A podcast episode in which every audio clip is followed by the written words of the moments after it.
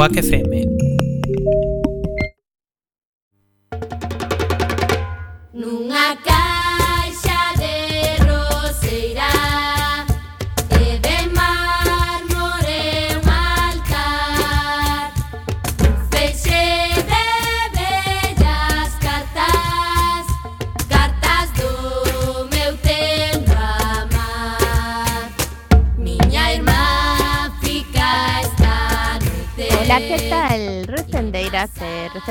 Benvidas e benvidos a este espazo radiofónico semanal dedicado á cultura que facemos en rigoroso directo todos os martes ás 7 da tarde aquí en Cuac FM no 103.4, a radio comunitaria da Coruña.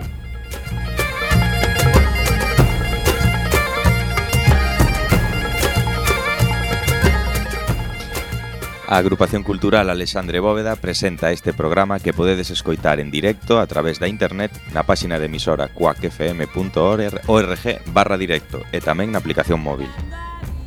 E se non chegaches a tempo, non tedes excusa, compañeiras e compañeiros. Podedes descargar todos os programas xa emitidos no Radioco ou Mega Podcast da nosa emisora ou tamén podes escoitalo na redifusión, que será os mércores ás 8 da mañá, os venres ás 16 horas e na madrugada do domingo ao luns, ás 12 da noite. E a partir de agora seguídenos nas redes sociais, tanto deste programa Recendo como da propia agrupación cultural Alexandre Bóveda, que teñen abertas as súas canles en Instagram, Twitter e Facebook ou na web www.acalesandrebóveda.gal.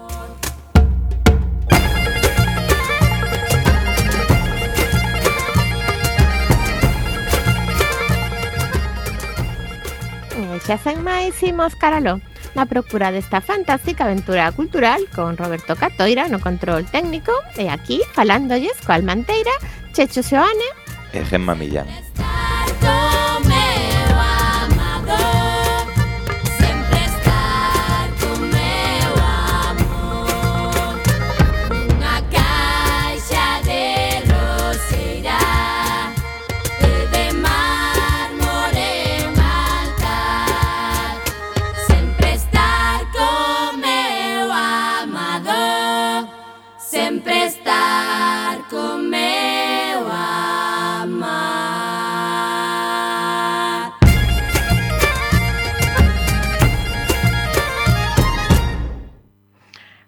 Programa número 416. Hoxe teremos como convidado de novo a Juan Lema Rodicio, presidente da Real Academia Galega de Ciencias. Hai uns meses quedamos con el en que nesta época do ano falaríamos de Juan Rofcodina, científico galego do ano. E aquí estamos para cumprir a nosa promesa. Tamén, hoxe, recitaremos un poema de Aquilino Iglesias Albariño na nosa sección de poesía galega e tamén teremos a sección de feminismo a cargo de Cristina Bajo ante o vindeiro xa 25N. Falaremos das actividades da nosa agrupación e das outras cousas que se fan na Coruña e na Galiza e que tamén son cultura. A música de hoxe estará a cargo de Astaroth, que é un grupo de heavy metal de Cangas do Morrazo, como sabedes, que comezou a súa carreira hai case 40 anos. Sacou xa varios discos con todas as cancións en galego e neste ano 2022 publicou Baixo a luz de Breogán, o seu terceiro disco na nosa lingua. Presentamos a primeira peza de hoxe titulada Luz de Breogán. Escoito soar do vento no mare Voces dun tempo que non voltará Hai unha luz que sinto os teus latexos sinto as medos se chega ao final. Erguete forte na luz de Breogán.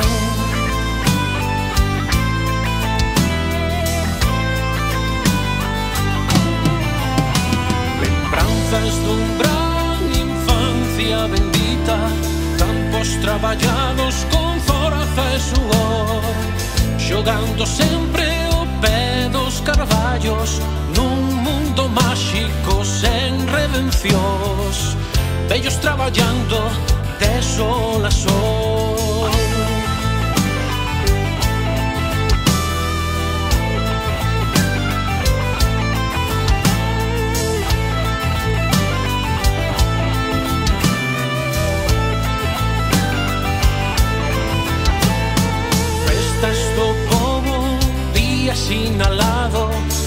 facemos vos agardan bellar Entre a xente alguén buscando A das trenzas loiras con ollos de mar. Sempre presente a luz de breogar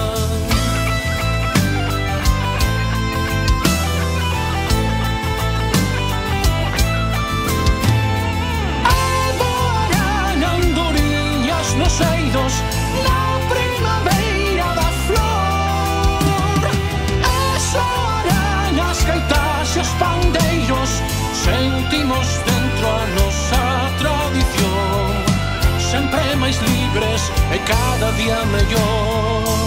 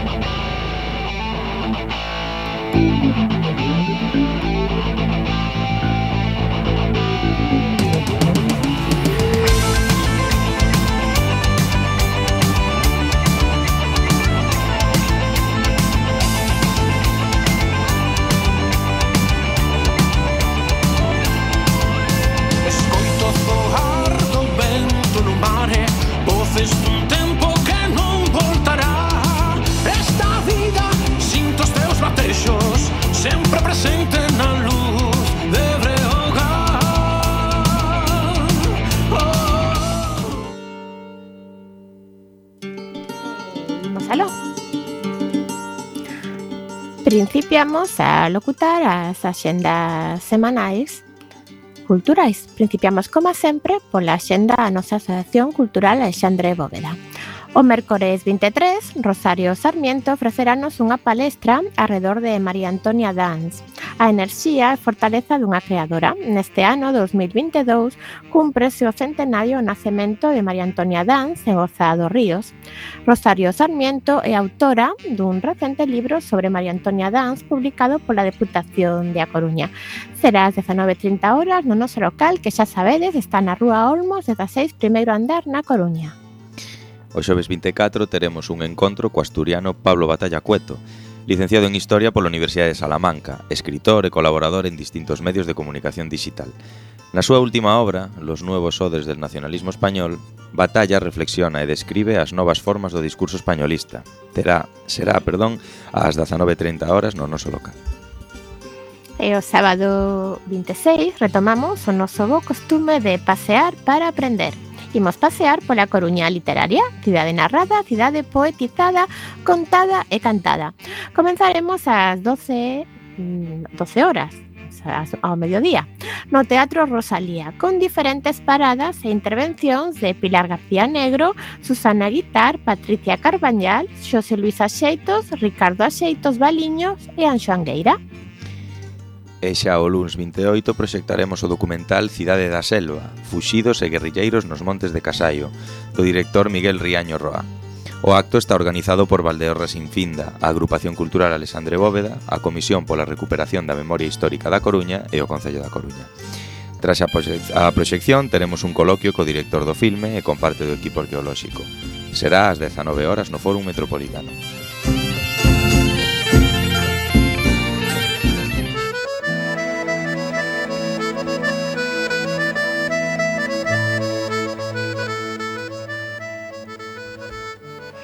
E imos aló coa xenda da Coruña. Principiamos polo eido audiovisual, xa que estes días están cumprindo os 100 anos do nacemento na nosa cidade da mítica actriz María Casares. No Cegai celebrano proxectando algúns filmes dos que participou ela. Por exemplo, entre o mércores 23 e o venres 25 pódese ver Orfeo, as damas do bosque de Bolomia e os nenos do paraíso. Unha profesora descobre nun neno de 5 anos de idade un prodixioso don para a poesía. Abraiada e inspirada polo pequeno decide protexer o seu talento, a pesar de todo o mundo. Diso trata a película israelí A profesora de parvulario, que proxectan o xoves 24, do, perdón, do xoves 24 ao sábado 26 nos cines do Fórum. E imos coas artes escénicas. O bailarín tinerfeño Daniel Abreu presenta a súa nova obra titulada O Fillo, que fala do vínculo cos proxenitores e un lugar. E o que se fai con iso? Actúa o Benres 25 ás 20.30 horas no Teatro Rosalía de Castro. A compañía de danza contemporánea determinada compañía presenta a obra Nina Ninet, espectáculo que se inspira na estética do ballet triádico de Óscar Schemmeler e a Bauhaus, Actúan o sábado 26 ás 18 horas no Fórum Metropolitano. A compañía de danza contemporánea, determinada a compañía presenta a obra Nina Ninet, como xa dixo o meu compañeiro, así que eu teño que dicir a outra liña, perdón.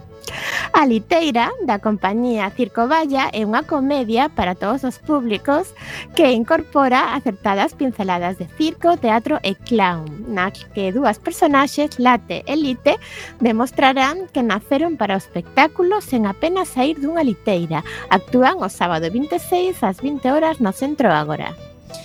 Algún día todo isto será teu pecha a triloxía Crónicas Ibéricas, onde a compañía Club Caníbal de Chiqui Caravante pon na palestra todo o español.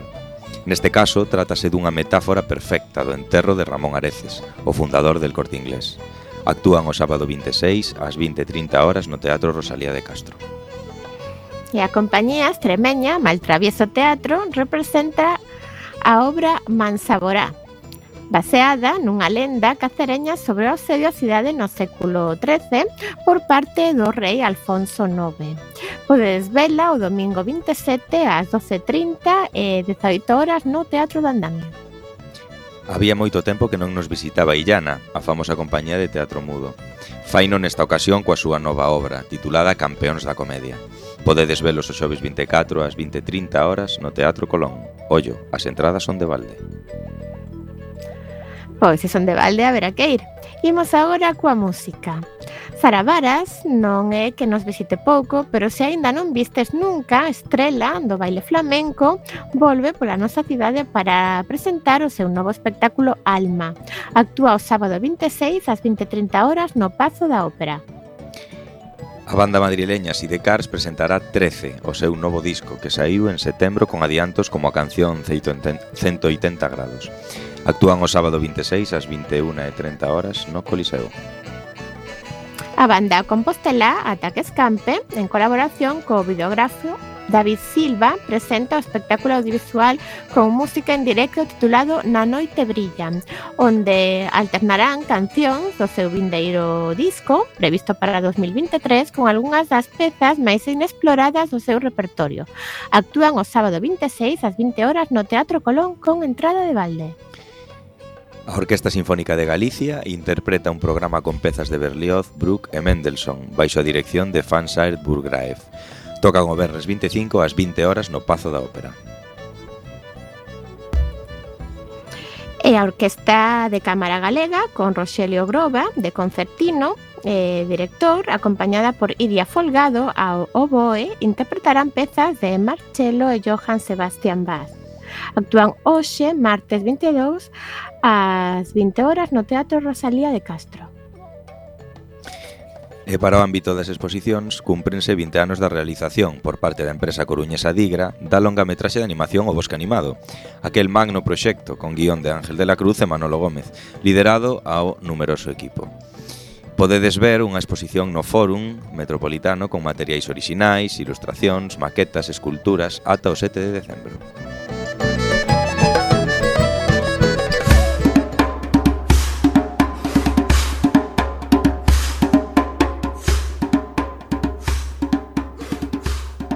E imos aló coa xenda da Galiza.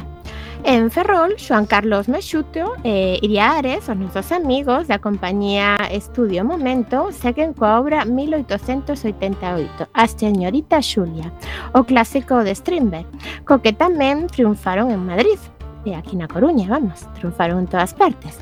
Actúa o Benres 25 ás 20.30 horas no Teatro Jofre. Para a área de Vigo temos Golfa, que é unha comedia transmedia sobre a sexualidade de Crémilo Proxectos Culturais. Trata sobre a conflitiva parella de adolescentes formada por Amanda e Fran. Actúan o Benres 25 e o sábado 26 ás 20 horas no Auditorio Municipal de Vigo. E pegamos un chimpo ata Lugo. O Cabaleiro Incerto é unha coproducción do Teatro Español e da compañía Come Cala, baseado nun personaxe secundario pero ben interesante dunha novela de Rosa Montero. Este Cabaleiro Incerto é unha homenaxe a esas mulleres valentes, silenciadas e esquecidas. Actúan os xoves 24 ás 20.30 horas no Auditorio Municipal Gustavo Freire. En Pontevedra, por fin volvemos á normalidade e podemos asistir de novo a unha edición do Culturgal, a Feira das Industrias Culturais. Terá lugar do Benres 25 ata o domingo 27 no Pazo da Cultura. Está aberta das 10 da mañán ás 8 da tarde. Imos agora ata Santiago contámonos contos que lemos, ademais dos que oímos. E, se non nos gustan, recomendamos os libros. Se queredes asistir a unha sesión de contacontos para público adulto con Abelino González titulada Contos de Contrabando, podedes ir o mércores 23 ás 19.30 horas ao Centro Sociocultural do SAR. No tocante a Ourense, vemos que Decadencia é unha obra de Steven Berkoff protagonizada por Pedro Casablanc e Maru Valdivielso É unha obra cáustica, provocadora, que obriga a rir por non chorar. Actúa o sábado 26 ás 20 horas no Teatro Principal.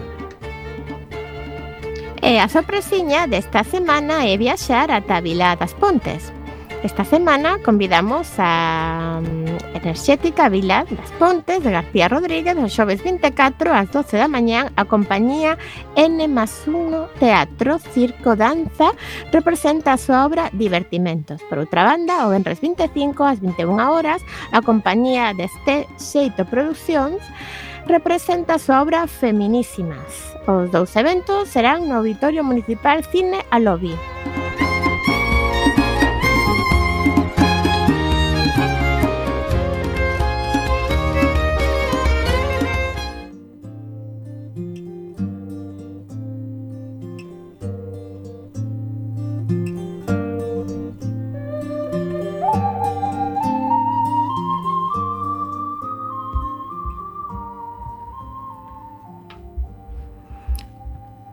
un tempo feliz, no que o silencio escuro, con ollos sempre abertos, dos negros bronces das insuas acendía os pulsos e as chincheiras.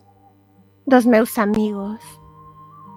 Os bellos poetas do mar e do vento, os que cantaron as quinas fermosas dos cabalos de Asia e as proas das negras naos, Cando estes poetas morreron, naceulles no oco do seu peito un silencio armonioso, de moi finas ervas de olor e longuísimo vento da mar. Os outros amaron xa os días breves como a vasos, e os vasos ben colmados dun viño louro como o sol Son os meus amados poetas do Mediterráneo, os finos amadores dos pazos brancos de África e os outros, os ledos feirantes das vinguelas frautistas de Lidia. Mais estes inda non morreron, que no fondo dos grandes vasos do Porto a medianoite cantan os seus versos de ouro alegría das pernas finas e áxiles e fortes e a das gargantas lisas como a cera, que tremban de chuchas. É unha música que non sei de cristal como a lume. Tamén amaron cousas velas e poetas aqueles das cidades novas e fráxiles como vidros, e brancas pombas ao mencer. Tamén amaron cousas velas, mais a súa alma estaba chea de medos e de longuísimas noites sen amor nen viño e de lonxanas princesas de tempos idos, mortas, doce saudades de neve derretida. Cando mármores e bronces resucitaron a luz fermosa da súa noite, os poetas amaron outra vez o viño roxo e as pombas e as mozas ledas e fortes. Despois viñeron outros poetas e outros, e aínda os poetas en sorte meus avós tan tristes, os que soñaban con mortes moi tremendas, con asfixias en consolo nos cuartos do hotel, cos ollos fondos nas pistolas de gatillos negros, Ai, que alta e lonxana vai xa a súa voz escura, son amigo. Ai, que saudade das súas mans pálidas como a cera e das súas cabezas ladeadas docemente. Mais que vaga tenrura enche aínda o silencio que abriron os seus versos como alas.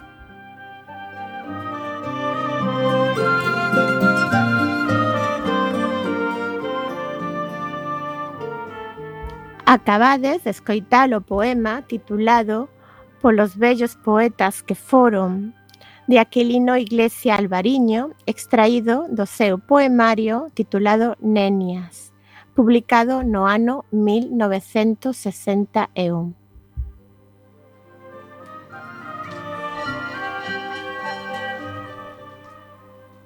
Con esta nenia, que, como sabedes, as nenias son poemas homenaxes, nós, desde a sección de poesía de Recendo Coac FM, queremos homenaxear ao gran poeta, cantautor e trovador cubano Pablo Milanés, que finou esta madrugada aos 79 anos de idade que, como ben sabedes, tiña moita relación coa nosa terra galega e incluso chegou a cantar e recitar na nosa lingua.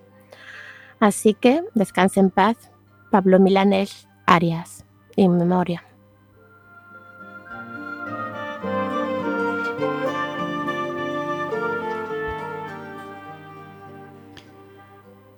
Bueno, vamos a presentar xa a entrevista de hoxe Eh, este mesmo mes de novembro celebrouse o Día da Ciencia en Galego, unha das datas favoritas da xente que formamos parte desta gran familia que é Coac FM. Todos os anos escollese unha figura significativa da ciencia e que xogou un papel especial na historia do noso país. Este ano o homenaxeado foi Juan Rofcodina. Se sodes de Lugo, seguro que o nome vos soa, pero se non o coñecedes non vos preocupedes, que nós tentaremos poñerlle solución esta tarde. Juan Rofcodina non é galego, mais todo o seu traballo está vencellado á nosa terra. Nado en Cataluña a finais do 19 é fillo dun ferreiro. Sendo moi novo, vius obrigado a deixar a escola para botarlle unha man ao seu pai. Porén, a súa nai animouno a, visita, a viaxar perdón, ata Madrid para cursar estudos de veterinaria. Rematados os estudos, ingresa no exército e é destinado en Lugo, a que estaría vencellado case toda a súa vida por mor de desconveniencias co seu superior é trasladado ata Granada. Pero volta a Lugo un ano despois. Comeza aquí o seu traballo pola gandería e agricultura galega. Co seu cuñado funda a Gran Clínica Veterinaria en Lugo, unha institución pioneira en todo o Estado español. Comeza tamén os seus traballos de divulgación sobre a higiene dos animais, sobre todo para combater o carbuncho bacteriano, grazas ás investigacións de Pasteur nomeado polo Instituto Pasteur o seu representante para Galicia e Asturias. Tamén divulga melloras para o cultivo en terras galegas e novas técnicas de avicultura, así como grazas ás súas investigacións conseguiuse definir o fenotipo de raza galega de vaca máis coñecida, a famosa rubia galega. No ano 1910 oposita ao Corpo de Inspectores de Higiene e Sanidade Pecuaria a obter a praza e destinado a Coruña. O traballo de Juan Rofcodina non só se limita ás melloras nos cultivos e na gandería, tamén é un gran defensor do asociacionismo agrícola, así como a defensa da muralla de Lugo fronte á ameaza do seu derribo para gañar espazo para o crecemento da cidade. As súas ideas progresistas fanlle gañar problemas, e ten que abandonar Galicia rumbo a Córdoba despois de organizar a homenaxe ao veterinario republicano Félix Gordón. Ao remate da Guerra Civil é expedientado e destinado a Tenerife. Tres anos despois, volta a Lugo, onde se xubila e ocupa a Cátedra de Divulgación Pecuaria creada por el mesmo. Ocupará esta cátedra ata o ano 60, 64, data do seu falecemento. Para contarnos máis sobre Juan Rofcodina, temos hoxe connosco ao presidente da Real Academia Galega de Ciencias, Juan Lema. Moi boas tardes, Juan. Hola, moi boas tardes. Encantados de terte aquí outra vez, xa estiveches eh, fai tempo en, en Recendo connosco. E bueno, para comezar, eh, sabemos por que Juan Rofcodina escolleu a veterinaria como ciencia a que entregar a súa vida?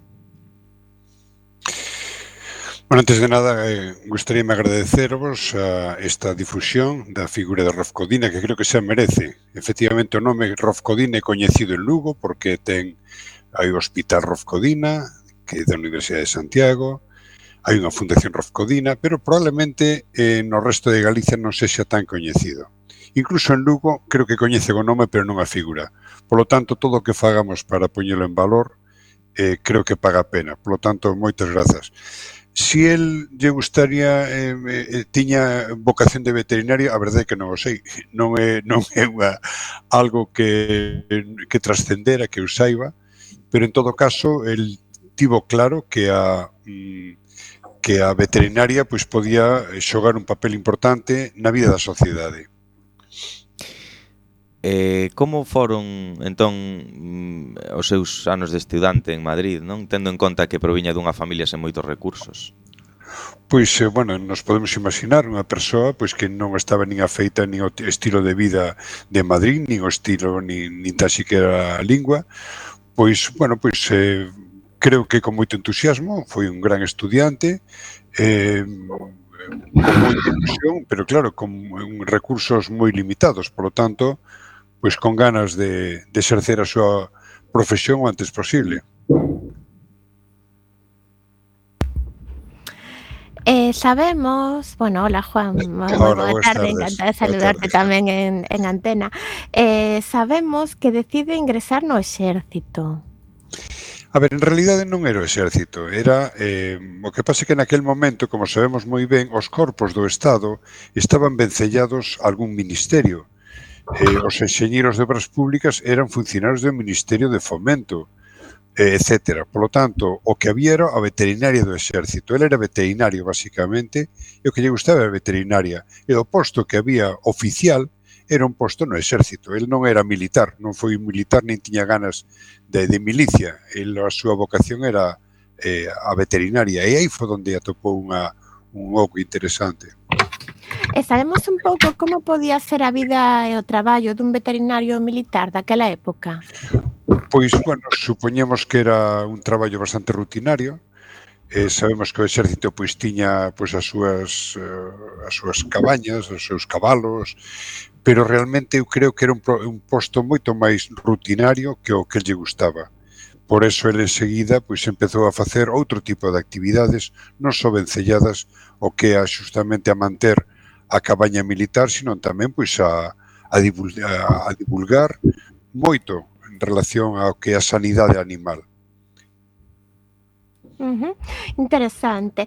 E, en, cales foron as primeiras impresións ao chegar a, a Galicia? Que, que Vamos pensaba? a ver, eh, nos podemos imaginar o que pode ser Galicia pois a, a fines do século de, de hai dos séculos, verdad? Eh, uh -huh. unha sociedade pois moi atrasada e unha sociedade que particularmente no campo da no campo de, de, de, da produción animal tiña moitísimas moitísimas moitísimos tabús. Por exemplo, eh, eh, estaba parecía que había algunhas enfermedades, que aparecían algunhas pestes que aparecían que se atribuían a cousas como pois mal de ollo, eh, a, a nacido que lle chamaban, a nacido era unha enfermidade. Entón, el veu que había unha sociedade rural moi eh, atávica, moi vencellada a tradicións, algunhas moi boas, pero moitas delas pois moi incultas e dende logo moi individualista. E el enseguida dase de conta que fai falta un, un traballo enorme de divulgación e de cambio do que eh, o que a, a, a, a trata dos animais e a sanidade animal. Uh -huh. Podemos decir que prácticamente dedicou a súa vida a mellora das condicións da gandería galega. Eu digo que eh, Rolf Codina é o exemplo claro de como a ciencia se pode aplicar directamente para unha mellora directa da sociedade. Hai moitas veces que a ciencia traballa pois un pouco máis oscura, traballa, en fin, non, non tan públicamente, pero el tivo eh, eu creo que eh, tres capacidades. A primeira capacidade é unha capacidade de traballo extraordinaria, a segunda unha xenerosidade fora de toda dúbida, e a terceira a unha claridade de ideas que, eh, que a ciencia é a base do progreso e tamén no campo do, do mundo animal. Uh -huh. E como facía el daquela época, claro, pensamos, para estar ao tanto das innovacións e melloras que se daban no resto de Europa e do resto do mundo? Pois é curioso porque incluso dende un sitio ten, tan illado naquel momento como era Galicia, como era Lugo, naquel momento pois podemos imaginarnos as dificultades de comunicación, el estaba ao día porque el viaxaba, el eh, se escribía con persoas de fora de Galicia, pero é que el tamén tiña unhas ideas propias, é dicir, non solo, non solo son eh, non solo é o que recibía, sino tamén as, as súas propias conclusións. Pero en todo caso, el estaba ao día, el era un gran eh, comunicador, un gran escritor, tiña moita correspondencia con moitas persoas do resto do mundo e grazas a eso pois podía estar o día das novidades que podían ir aparecendo. Eh, falabas antes, Juan, da, das, das condicións, no? da, desa, de, desa mm, os mal, mal, mal de ollo, non? Que desa ignorancia eh, no tocante a, a, a veterinaria moitas veces. Como estaba eh, a, a gandería galega en, en comparación coa do resto de España nesa época cando el veu para aquí? Pois, bueno, sin que o resto de España estivera ben, porque estaba como estaba, el é un, un reformador tamén da veterinaria, non tan solo da, da veterinaria en Galicia, de toda a veterinaria. El foi despois inspector xeral de, de veterinaria de toda España na época da República e fixe un traballo eh, moi modernizador. Pero para explicar un poquinho isto, vou contar unha anécdota. Eh, Eh, había, como decía, unha enfermidade que, que os, os paisanos chamabanlle a nacida, que era como un mal de ollo. As vacas naquela, naquel área morrían. Morrían e por qué? Porque estaba maldita. Entón, el fixo unha aposta, fixo unha aposta persoal e dixo, mira, se esta vaca, en vez de enterrala a queimades, a queimades, a queimamos. Eu vos aseguro que dentro de, dos próximos meses non vai haber aquí máis casos desta mal chamada nacida, que en realidad era unha infección bacteriana. Bueno, pois el aposta, aposta o seu diñeiro pagando a vaca, dicindolle, mira, eu pago a vaca esta, pero esta vaca non se pode enterrar, que era a forma tradicional que tiña. Claro, o enterrala, obviamente a enfermidade, a, a, a, a infección transmitíase pola erva Polo tanto, efectivamente, el tra, convence os, os paisanos cos feitos.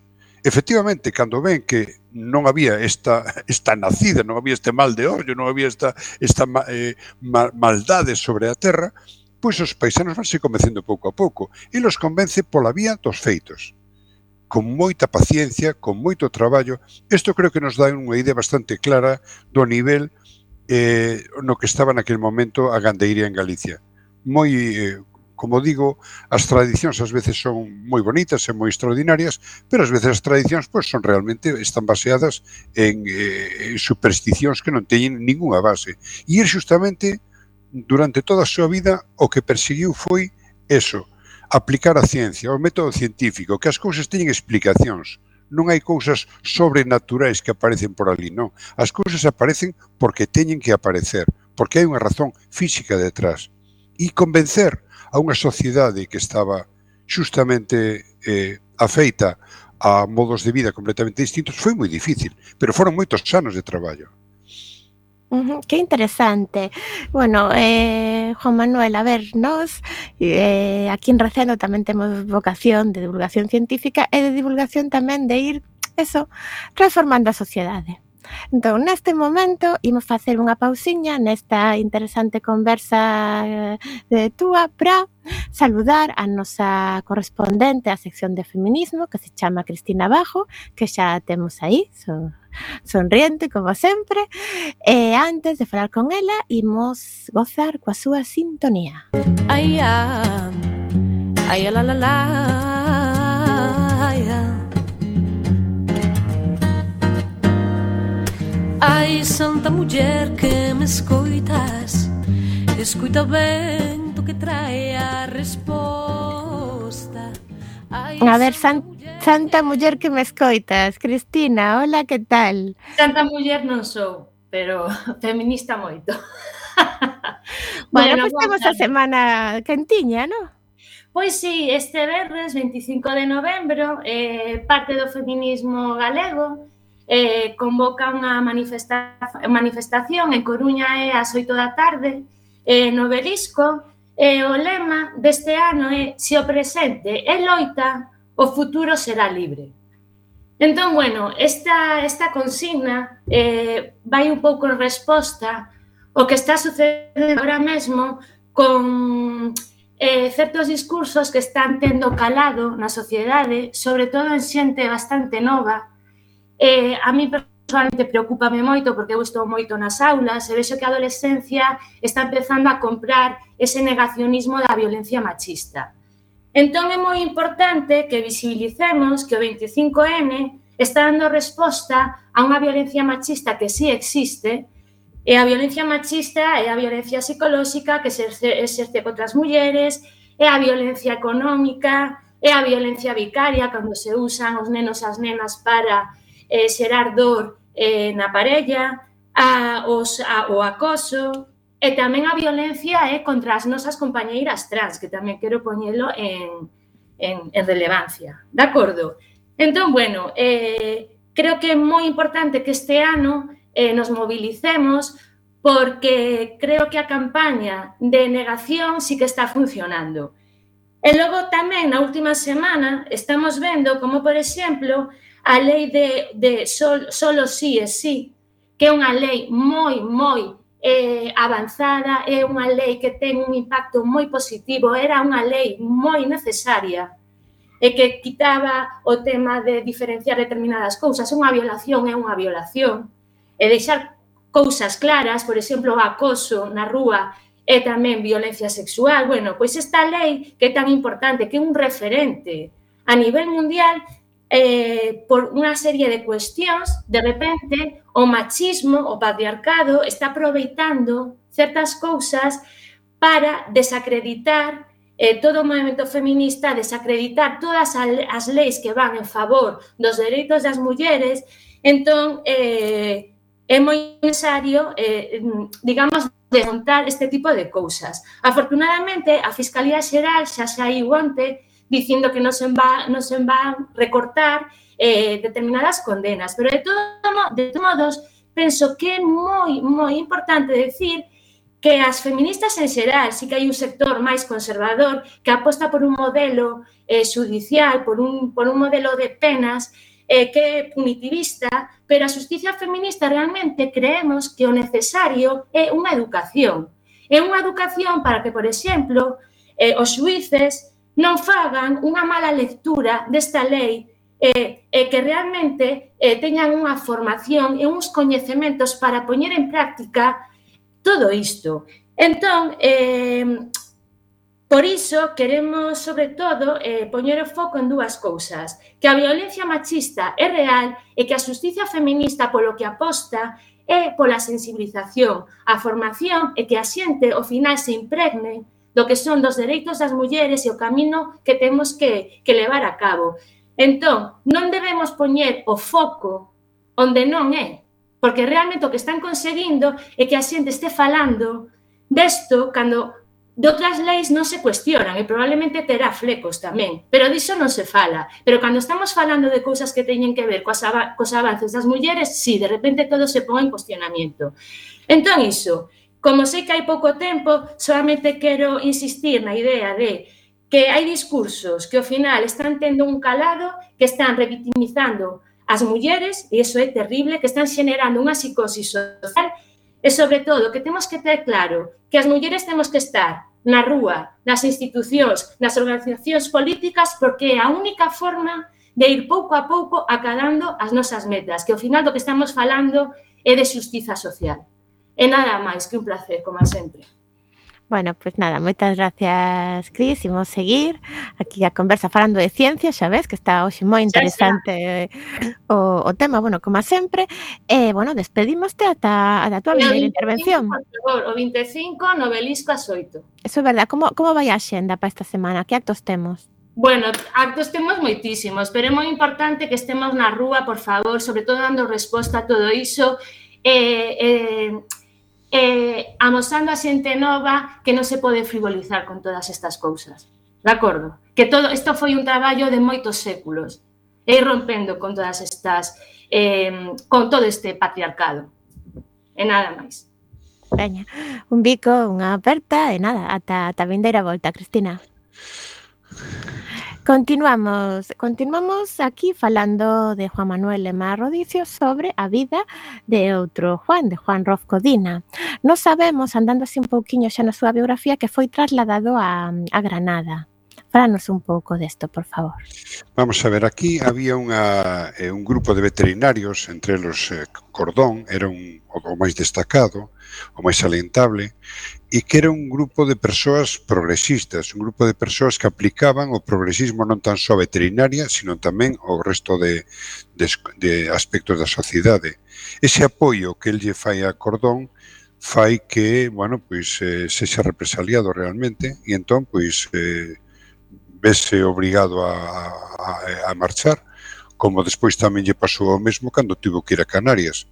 Por tanto, foi unha persoa, eh, eu creo que a, o que se desprende de todas estas eh, ideas é que foi unha persoa con moi consistente, unha persoa que tiña eh, as ideas ben claras, que quería transmitilas e que tiña un proxecto de vida. Que eu creo que o máis importante que pode ter unha persoa é ter unha, un proxecto de vida. Que, que, que é o que quere facer? E ele o tivo moi claro dende o principio. Transformar a sociedade. Nos temos aquí que el decide montar a gran clínica de, de veterinaria. Onde e cando foi isto? Bueno, este foi o gran proxecto da súa vida, o fixo co seu, co seu cuñado. El eh, chega a Lugo, eh, resulta que está baixo o tutelado, máis ou menos, do, do, dunha persoa que era importante en Lugo naquel momento, é que o finalmente pois sería o seu sogro, porque casa ca súa filla. E isto é definitivo para a súa instalación en Lugo. Entón, co seu eh, cuñado monta esta eh, gran hospital veterinario de Lugo, o primeiro de España, un hospital destinado, porque non, a ver, agora o temos claro, que unha vaca necesita unha operación, que unha vaca pois pode ter un problema no fígado, pero naquela época as vacas ou producían ou morrían, non había máis, é dicir, iba o veterinario, iba ali, iba a, a, a facerlle, pois, se rompía unha perna, arreglaba, pero o concepto de hospital non existía. El monta unha clínica para que todos os animais enfermos, sabemos naquel momento, tamén agora, o drama que supoñía para unha familia pois perder unha vaca, era realmente o seu sustento, era unha cousa eh, unha, unha agricultura, unha gandeiría de, de, de supervivencia.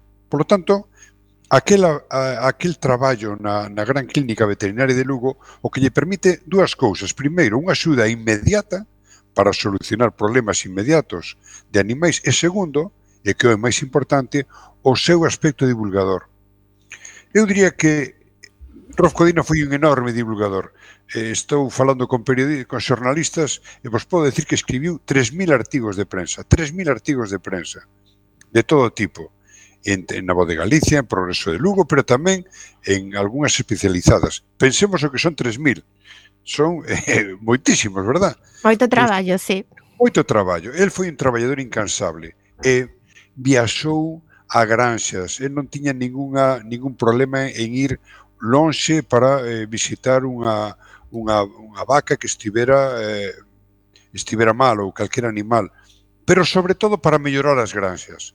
El o seu o seu grande eh, a súa grande idea era mellorar a vida dos cidadáns, mellorar a vida da sociedade rural galega. Este foi o gran o gran proxecto da súa vida a mellora da vida eh, que dis, non, da animal e eh, en consecuencia a mellora da vida da sociedade. Cales foron as implicacións do seu traballo sobre a rubia galega, eh, Juan?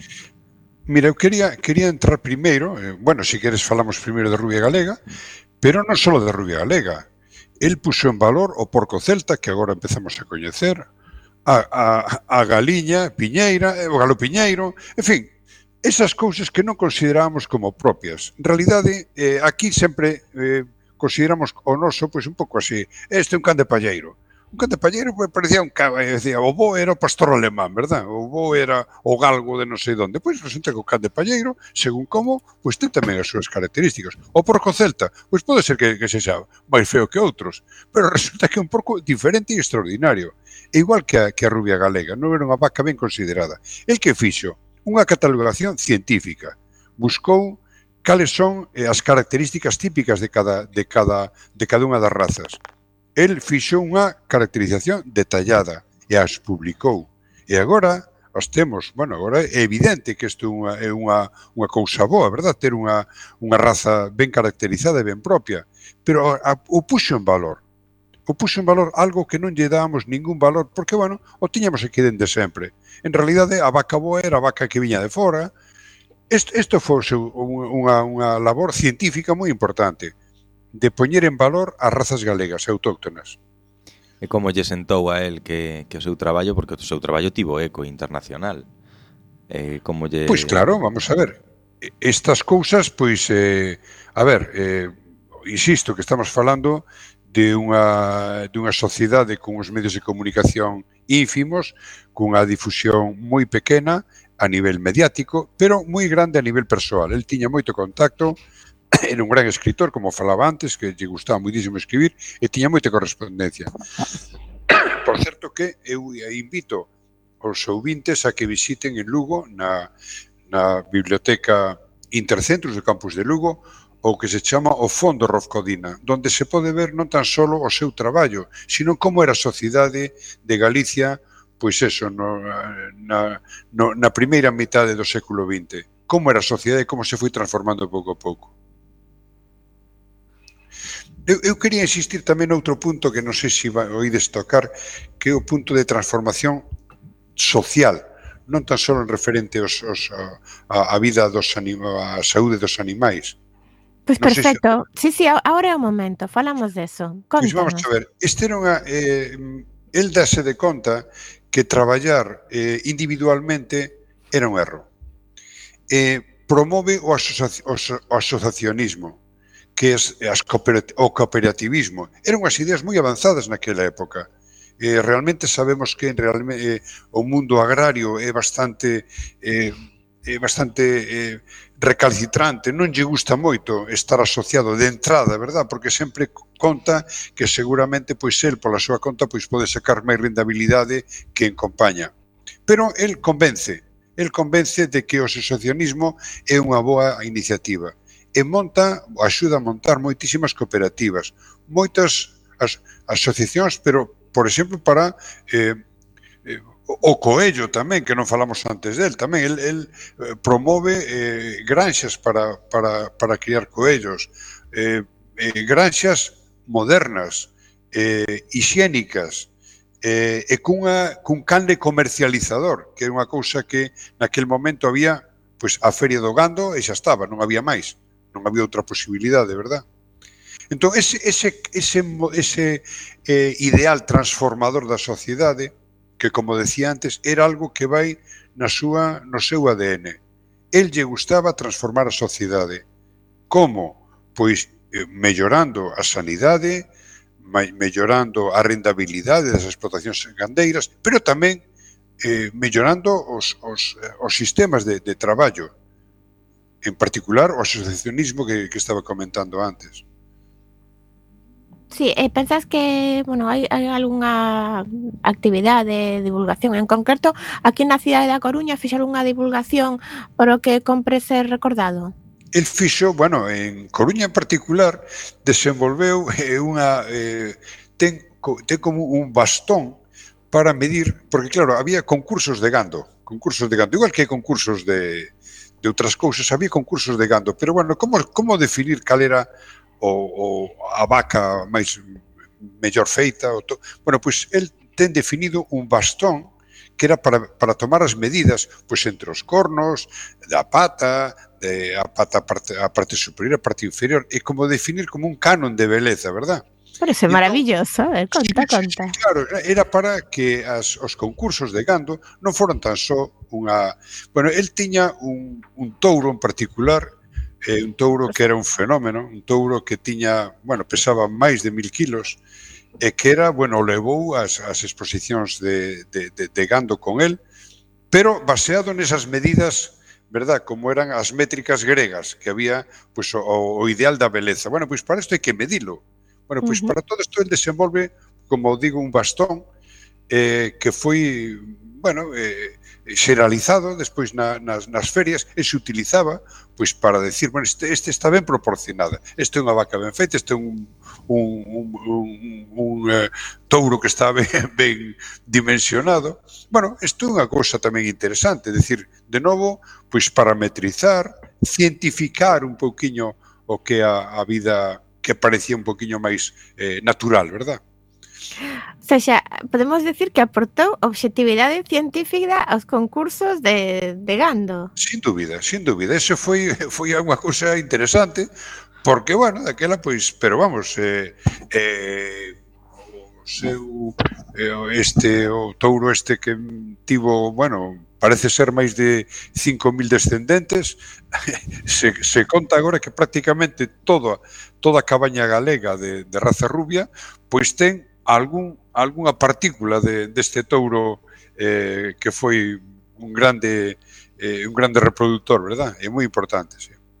Sí, sí, vamos, estamos aquí fascinados ca vida, ca vida e obra deste científico, verdad, Checho? Sí, eh, cal, eh, Juan, eh, eh, moi divertido. Eh, bueno, a vez, como dice, cienti, non cientificar, digamos, poñer medida a cousas que non que non as tiñan, non, nesto dos concursos. Eh, e falabas do, da dimensión social, non, que mm, quizáis para ti unha das aspectos máis importantes da súa vida. E cal, cal era mm, se, se, se, se foi a súa significación política, as súas ideas? Vamos a ver, el eh, na primeira, el era republicano, claramente. Eh, Tamén é verdade que eh, cando bueno, pois eh, hai, a, hai a guerra e a posguerra, pois el se integra no sistema.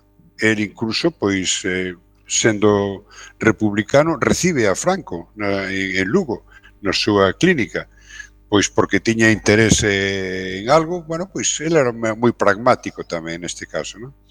Eh, que reciba Franco non significa, non significa que fora franquista, pero que, bueno, pois era unha persoa que coas súas ideas moi sólidas, moi sólidas, pero sobre todo, insisto, é un, eu diría que era, creo que o dixen varias veces durante esta entrevista, unha persoa que aplica o método científico para transformar a sociedade. Isto é eh, un ideal do, e é unha das razóns pola cales a Academia da Ciencia, eh, a Academia Galega de Ciencias considerou que a súa figura debía ser máis coñecida porque este é algo moi importante na ciencia, é crear, pero tamén transmitir, que a ciencia sexa útil e que a sociedade se dede conta que coa ciencia é, a ciencia é a base do progreso da sociedade. Claro, hai, como decía ao principio, hai científicos que teñen un traballo moi sordo que non se ve, pero o traballo de, de Rolf Codina foi un traballo espectacular, porque permitiu unha aplicación directa do saber científico e tamén para non só para mellorar a propia ciencia, para mellorar a veterinaria, sino tamén para mellorar a sociedade, o que eh, creo que é unha, un plus, verdad? É un, un, algo que dende logo é moi desexable. Sí, sí, de eso queríamos falar tamén un pouquiño. Queríamos saber porque nos gusta así un pouquiño de salseo. Sei que foi moi reñida eh, o fa, o, bueno, a candidatura e o, o, finalmente o fallo para que fora Rolf Codina o merecedor de, da homenaxe deste ano. Se tiñas outros candidatos, un pouco como, o sea, como como foi a cousa e tamén, xa que estás ti aquí a falar da representación da Real Academia Galega de Ciencias, xa para, para rematar, queremos, ah, claro, que nos contes un pouco que o que eh, fixeches este mes, o que as actividades que ides facer, eh, un poquinho deso xa. Pois mira, xustamente relacionado co sector agrogandeiro, eh, hoxe mesmo remata en Lugo unhas xornadas sobre eh, economía agraria, pero é curioso porque é esa economía inmaterial, Por exemplo, canto vale un árbore? Pois ver, o, bar, o árbore pode valer o valor físico, o que vale, por exemplo, para queimar ou para transformar en madeira. Pero non sei se os ouvintes saben que en, en Galicia temos árbores espe, especiais e que hai, por exemplo, un camelo valorado en máis de un millón de euros. Isto vale moito máis que, que o valor en madeira, verdad? Porque o valor inmaterial. É dicir, eh, bueno, pois justamente este, este, esta semana estáse a desenvolver en Lugo este traballo, este patrocinado pola Diputación. Levamos feito un traballo tamén en Coruña, en Ferrol e Santiago, sobre as novas enerxías, as novas fontes de enerxía. Eh, estamos a desenvolver eh, traballos de divulgación en, en colaboración coa Diputación. Isto foi coa Diputación de Coruña. E coa Diputación de Pontevedra, pois estamos a, a poñer en marcha eh, tamén aspectos divulgativos sobre temas de saúde, sobre temas de educación, sobre temas... En fin... Pois, pues, Juan, eh, con, esa, oh. con ese traballo de divulgación nos quedamos. Agradecemoste moitísimo que estiveras aquí en Rocendo e nos temos que despedir. Xa, un, un saúdo a audiencia. Claro que sí, moitísimas gracias a vos. Moitísimas gracias. Nada, moitas gracias ah, a ti. Gracias, eh, e a seguir divulgando ciencia en Galicia. Claro que sí.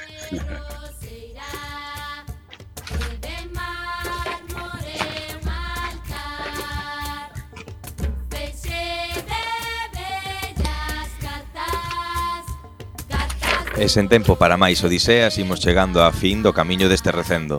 Despedimos o programa de hoxe agradecendo aos nosos convidados, que como sempre son de honra. Eh, Juan Manuel eh, sí, Lema... Os... Juan Manuel Lema Rodicio, eh, presidente da Real Academia Galega de Ciencias, moitísimas grazas por haber estado aquí.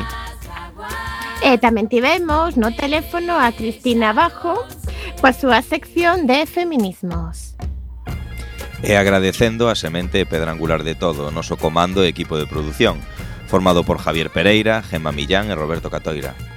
E aquí estivemos Roberto Catoira nos controis e co alento do micrófono Gemma Millán e Checho Sebane.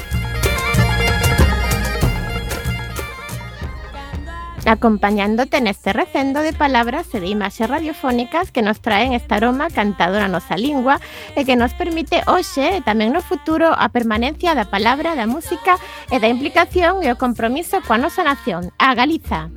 Ate o vindeiro martes ás 7 da tarde en directo nesta emisora, Coac FM da Coruña. Xa sabedes, recendo, as mil primaveras que terá o noso idioma.